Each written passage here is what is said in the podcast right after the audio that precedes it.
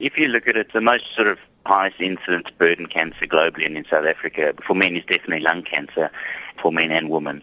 But breast cancer also features quite obviously highly amongst women in that regard. Volgens professor Sartorius is kanker wêreldwyd die tweede grootste oorsaak van dood na kardiovaskulêre siektes.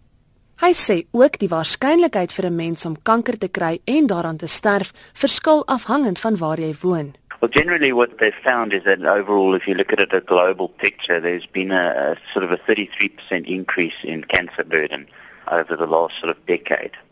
Um, and if you unpack that by specific types of cancer, then you can see there's, there's certain cancers that obviously increase more prominently relative to others.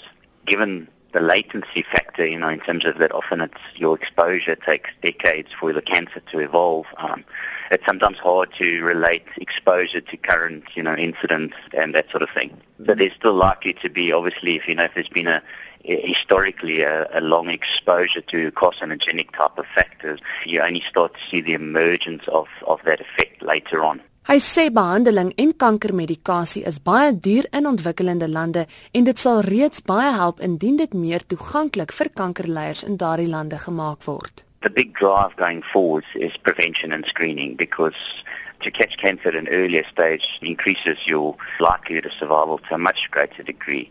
So we're hoping that obviously moving forward that there would be sort of an improvement in sort of the ground level screening for common types of cancers.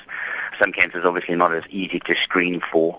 And also the cost of these sort of really highly tailored types of drugs which are very expensive and out of reach, you know, that in future sort of those types of prices will be brought down so that they become more reasonable for sort of the developing or lower socioeconomic uh, development index countries that we see in Africa. Dit was professor Ben Sartorius van die Universiteit van KwaZulu-Natal. Ek is Dianke Nal vir SAK nuus.